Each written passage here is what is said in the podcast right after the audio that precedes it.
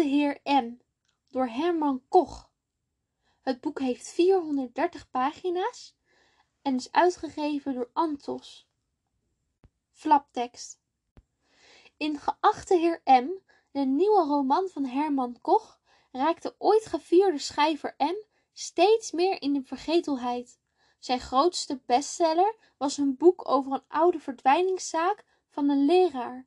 Deze man verdween na een kortstondige affaire met een leerlinge en werd voor het laatst gezien bij een vakantiehuis waar zij en haar nieuwe vriendje vertoefden. M's benedenbuurman was destijds bij de verdwijningszaak betrokken en volgt de schrijver op de voet.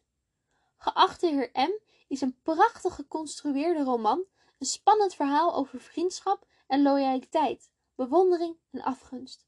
Net als in zijn vorige werk blinkt Herman Koch in Geachte heer M uit in geestelijke beschrijvingen van ogenschijnlijke alledaagse zaken en het neerzetten van onvergetelijke personages die je niet per se je sympathie wekken, maar toch veroveren.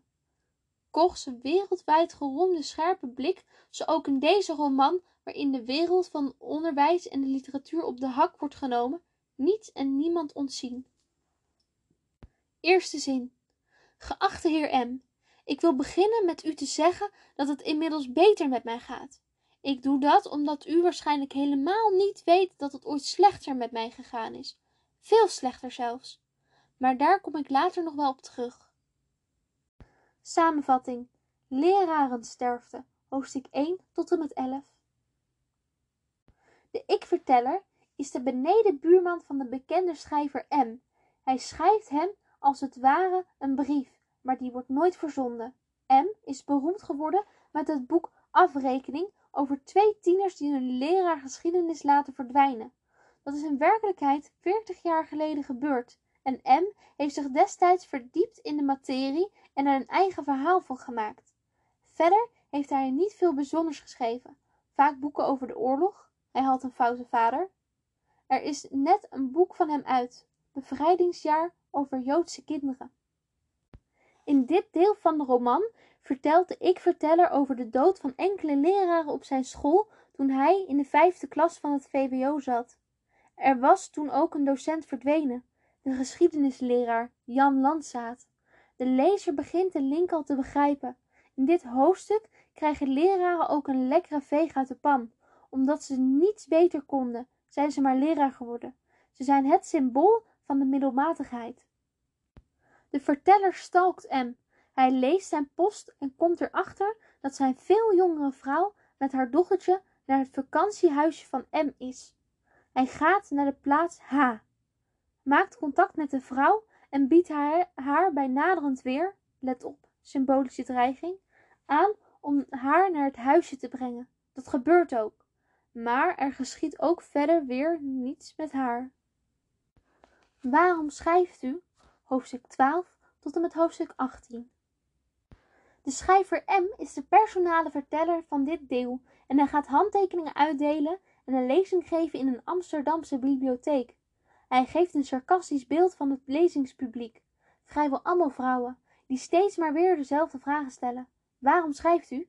Dezelfde vraag die het 17-jarige meisje voor de schoolkant had gevraagd en nooit meer bij hem vertrokken was. Het werd zijn huidige, veel te jonge vrouw Anna. Hij geeft als antwoord op een vraag over het literatuuronderwijs commentaar dat men scholieren vooral geen boeken moet laten lezen en is ook negatief over het uitlenen van boeken. Nee, je moet ze kopen.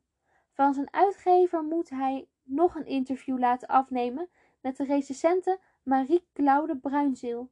Hij wil dat liever niet, omdat de vrouw haar geïnterviewde veel fileert. Toch stemt hij hierin toe. Ze heeft het een aantal dagen later met hem over zijn eenzijdige thema's in zijn werk, de oorlog, zijn foute vader en zijn moeder. Waarom schrijft hij eigenlijk nooit over haar?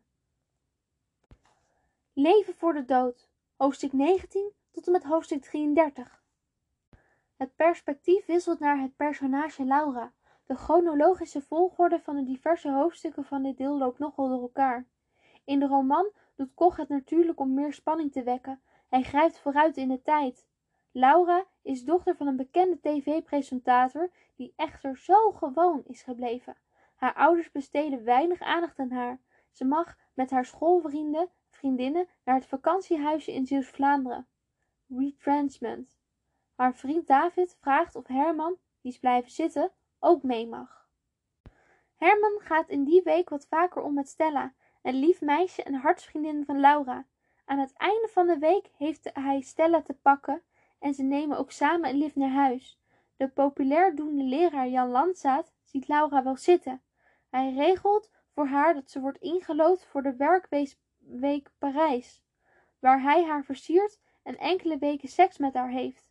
Maar dan heeft ze er genoeg van en laat met opzet een oorbel achter in zijn badkamer. Het overspel komt daarna uit en Jan moet van zijn vrouw vertrekken. In de herfstvakantie gaat Laura met haar groep vrienden weer naar het vakantiehuisje in Zeeland. David heeft een eigen vriendinnetje met wie hij opvallend zoenerig is. Dit tot ergernis van Laura, die het heeft uitgemaakt met de leraar. Ze aast nu op Herman. Deze heeft met David met een kleine camera Super 8 filmpjes gemaakt en vertoont hij aan de groep. Er zijn vier onderwerpen. 1. Het faken van een epileptische aanval van David bij een bloemenstal. 2. Het faken van een epileptische aanval in de klas bij de saaie lerares Postma. 3. De dood van de leraar natuurkunde in de klas. 4. Een maaltijd van Hermans ouders die geen woord zeggen omdat ze gaan scheiden. Herman noemt de serie Leven voor de dood. Mirjam, het vriendinnetje van David, vindt het te ver gaan. Herman biedt zijn excuses aan. Hij vertelt aan Stella dat hij kiest voor Laura. Ze krijgen verkering en met de kerst verblijven ze weer in het vakantiehuisje in Zeeuws-Vlaanderen. Dan staat daar ineens Jan Landzaat voor de deur, die Laura wil komen vertellen dat hij haar verder met rust zal laten. Het boek moet het doen. Hoofdstuk 34 tot en met hoofdstuk 40. We beginnen met de ik-verteller die aan M vraagt of dat hij een interview mag afnemen over de afrekening. Dat geeft de lezer inzicht over de relatieve fictie en werkelijkheid met betrekking tot het boek. Herman stelt steeds vragen aan M over het schrijven. Waarom heeft M de waarheid verdraaid en personages, bijvoorbeeld Stella, weggelaten? Aan het einde van het interview komt de jonge vrouw Anna binnen en zegt dat hun dochtertje ziek is. Ze heeft het echter verzonnen, omdat ze niet mee wil naar het boekenbal. Dat geeft haar de gelegenheid om in een hoofdstuk te vertellen over het arrogante gedrag van diverse schrijvers, wat niet erg positief overkomt. Op het boekenbal zoekt M ruzie met de van uitgever veranderde schrijver N. Die verwijt hem zijn talloze oorlogsboeken, zijn foute vader en het citaat dat hij aan Nieuwsuur heeft gegeven over het verzet. Wat weten we niet? Ze raken in gevecht. Zie ook de ik-verteller Herman. N deelt en geeft een kopstoot uit aan M. M moet met een hersenschudding naar huis worden gebracht. Herman neemt die mee en neemt die taak op zich. De leraar voor het schoolbord, hoofdstuk 41 tot en met hoofdstuk 48. In dit deel zijn ook weer enkele verhaallijnen. De leraar Jan Landstaat vertelt over 40 jaar geleden en de ik-verteller over de laatste uren van M. Hij laat M en Anne namelijk zijn filmpjes Het leven voor de dood zien. De meeste filmpjes zijn bekend. Herman heeft nog een nieuw rolprentje over zijn wandeling met Jan Landzaat naar Sluis om een garage te vinden. Landzaat is op tweede kerstdag, 40 jaar geleden, naar het vakantiehuisje gekomen om Laura te zeggen dat hij er niet meer zal stalken. Maar hij heeft er een plan bij. Hij laat het lampje van zijn auto branden en daardoor heeft hij een lege accu. Hij wil met Herman naar een garage, maar Herman stuurt hem de verkeerde kant op en filmt, uh, filmt hem. Hij moet zijn filmpje verwisselen en loopt weg. Dan krijgt Landzaat zijn oorspronkelijke plan om zelfmoord te plegen een wending. Hij vlucht weg zonder een spoor achter te laten naar Parijs. De kinderen worden verhoord en verdacht, maar er is geen lijk. M heeft het intussen heel moeilijk en hij sterft. Maar in een soort laatste visioen vertelt hij aan de lezer, niet aan Herman, wat er is gebeurd. Hij heeft een brief gekregen van Jan Landzaat, geachte heer M, die hem heeft geschreven dat hij in Parijs zat. M is hem gaan opzoeken en hij ontmoet een zwerver. Als ze bij de scène staan, geeft hij Jan een zetje en die verzuipt. M heeft dus eigenlijk een moord gepleegd, maar verzwijgt dat omdat hij al bijna klaar is met zijn boek afrekening. Hij heeft zijn leven lang met die wetenschap geleefd. Dan sterft hij. Gelukkig staan zijn ouders niet aan de andere kant op hem te wachten. Er is daar helemaal niks. Personages. Laura. Laura is een beetje een vrijgevochten meisje in de jaren zeventig. Ze wordt door haar ouders mentaal verwaarloosd en krijgt erdoor geruime gelegenheid om ervaring op seksgebied op te doen. Ze versiert in Parijs de leraar geschiedenis, maar na enkele seksweken zet ze hem aan de kant voor Herman. Bovendien laat ze haar overspel uitkomen door moedwillig een oorbel in de badkamer achter te laten. Een wraakpoging van haar. Daarna papt ze aan met Herman met wie ze in de kerstvakantie naar Zeeuws-Vlaanderen gaat. Daar volgt de ontknoping van de affaire met Jan Landzaat. In het verhaal heden wordt niks over Laura verteld. Herman! Herman is als leerling een bijzondere leerling met enkele vervelende eigenwijze eigenschappen. Toch worden meisjes en vrouwen snel aangetrokken tot hem. Hij heeft in zijn schooltijd stellen laten zitten voor Laura en is veertig jaar geleden betrokken bij de verdwijning van Jan Landzaat. Wat er in die veertig jaar gebeurd is, wordt niet verteld. We weten als lezer helemaal niet wat er met Laura is gebeurd. In het verhaal heden, als Herman zo ongeveer midden vijftig is, stalkt hij M. Hij interviewt hem ook over zijn roman, over de verdwijning en hij verwijt hem het een en ander. Hij heeft ook nieuws voor M. Herman vergezelt M naar het boekenbal en brengt hem gewond thuis. Dan laat hij de vijf filmpjes zien die hij met zijn Super 8 camera heeft gemaakt.